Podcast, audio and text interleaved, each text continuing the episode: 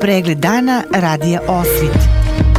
Lokalne vesti iz Vornika i regiona Birač. Pratite pregled dana za 13. jul 2022. godine.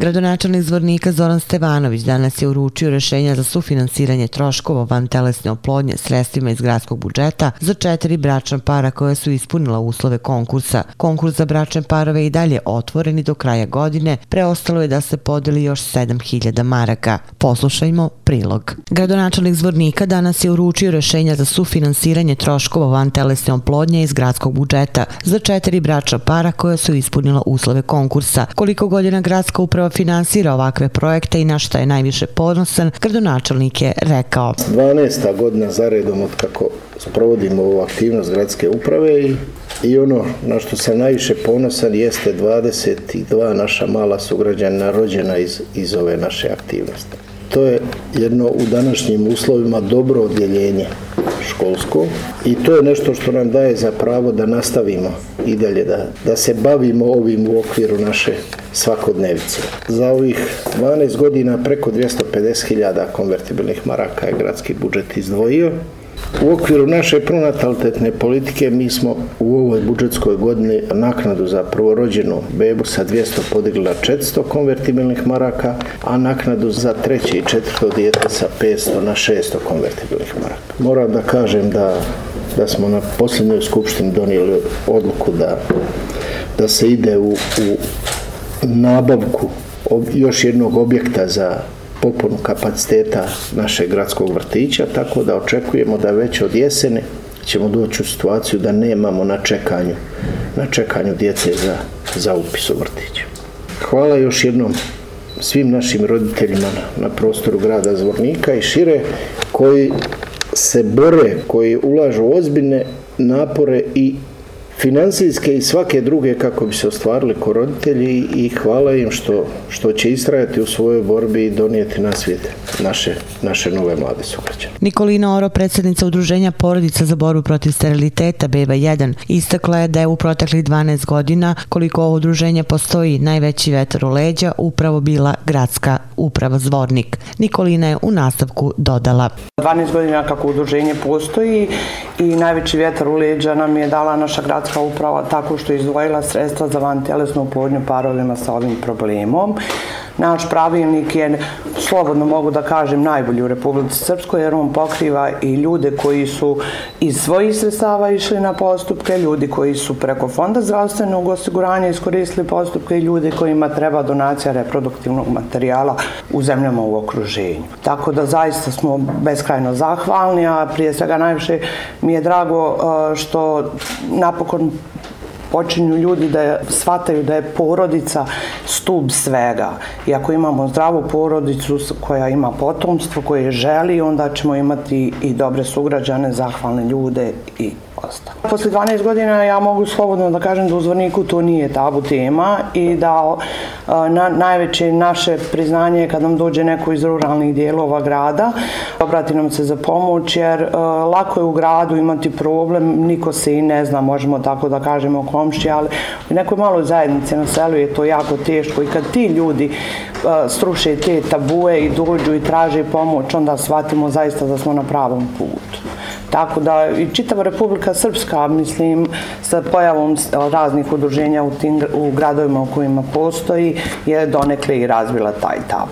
22 bebe su rođene iz projekta sufinansiranja gradske uprave, a 76 je ukupno u udruženju rođeno. Predstavnici gradske organizacije ratnih vojnih invalida Zvornik održali su danas konferenciju za medije povodom zaključka koje je donijelo predsjedništvo ove organizacije u kojima od vlade Republike Srpske Ministarstva za boračku invalidsku zaštitu kao i Ministarstva zdravlja traže pravo na besplatne lekove kao i povećanje invalidnine za 10%. Više o tome čućete od predsjednika gradske organizacije ratnih vojnih invalida Zvornik Dragislava Mijanovića. U vezi zaključaka koje je naše predsjedništvo prekuće donijelo da tražimo od vlade Ministarstva za boračku invalidsku zaštitu i Ministarstva zdravlja i socijalne zaštite besplatne lijekove. Znači, besplatne lijekove e, i one lijekove koji su na listi B i ostale lijekove za ratne vojne invalide. Razlog je veliki.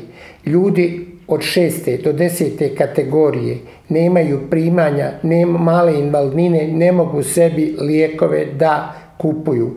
Mi, iako u Republike Srpskoj ima sigurno oko 25 do 30 organizacija, što gradski, što opštinski, udruženja ratnih vojnih invalida, ali oni nemaju Znači nemaju socijalnu kartu da bi po njoj poznali kakve probleme ratni vojni invalidi imaju u Republice Srpskoj.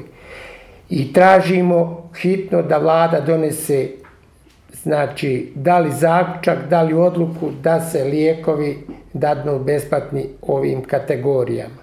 Dalje, tražimo da ratni vojni invalid ne može da čeka po dva mjeseca specijalističke preglede ili hemoterapije gdje, mu život zavisi, a povod je to što kod nas ove godine umrlo 12 ratnih vojnih invalida, a razlog je i uzrok je karcinom pluća, debelog crijeva, jednjaka i prostate. Porci koji nisu zaposleni najteža je kategorija i tražimo povećanje 5 eh, maraka po mjesecu, a ostalo za invalide 10% povećanje invalidnine da bi stigli 80% prosjeka ličnog dohodka Republike Srpske. To su osnovni gdje ćemo i sada na narednoj Narodnoj skupštini Vandredoj koja će biti zakazana za 15-20 dana isto tražiti. To se pod hitno mora uraditi. Htio da osudim tužlaštvo Republike Srpske, tužioca koji je spriječio da se što, postavljanje slika kraj puta od Bratuca do Potočara, a razlog je bio ometanje saobraćaja od e, Bratuca do Potočara. Vesti iz Loznice. Peti Lila Lo festival završen je sinoć nizom programa koje je turistička organizacija grada Loznice priredila u Banje Koviljači. U Banjskom parku najpre je organizovana smotra folklora sastanak i nadigravanje kolo za Dukat, dok je od 8 uveče u amfiteatru Crkve Svetih apostola Petra i Pavla nastupio Srpski kamerni orkestar, čiji je osnivač i dirigent Đorđe Pavlović, rodom iz Banje Koviljače. Opširnije na sajtu lozničkenovosti.com. Pratili ste pregled dana za 13. jul 2022. godine. Hvala na pažnji. Pregled dana radija Osvit. Lokalne vesti iz Vornika i regiona Birač.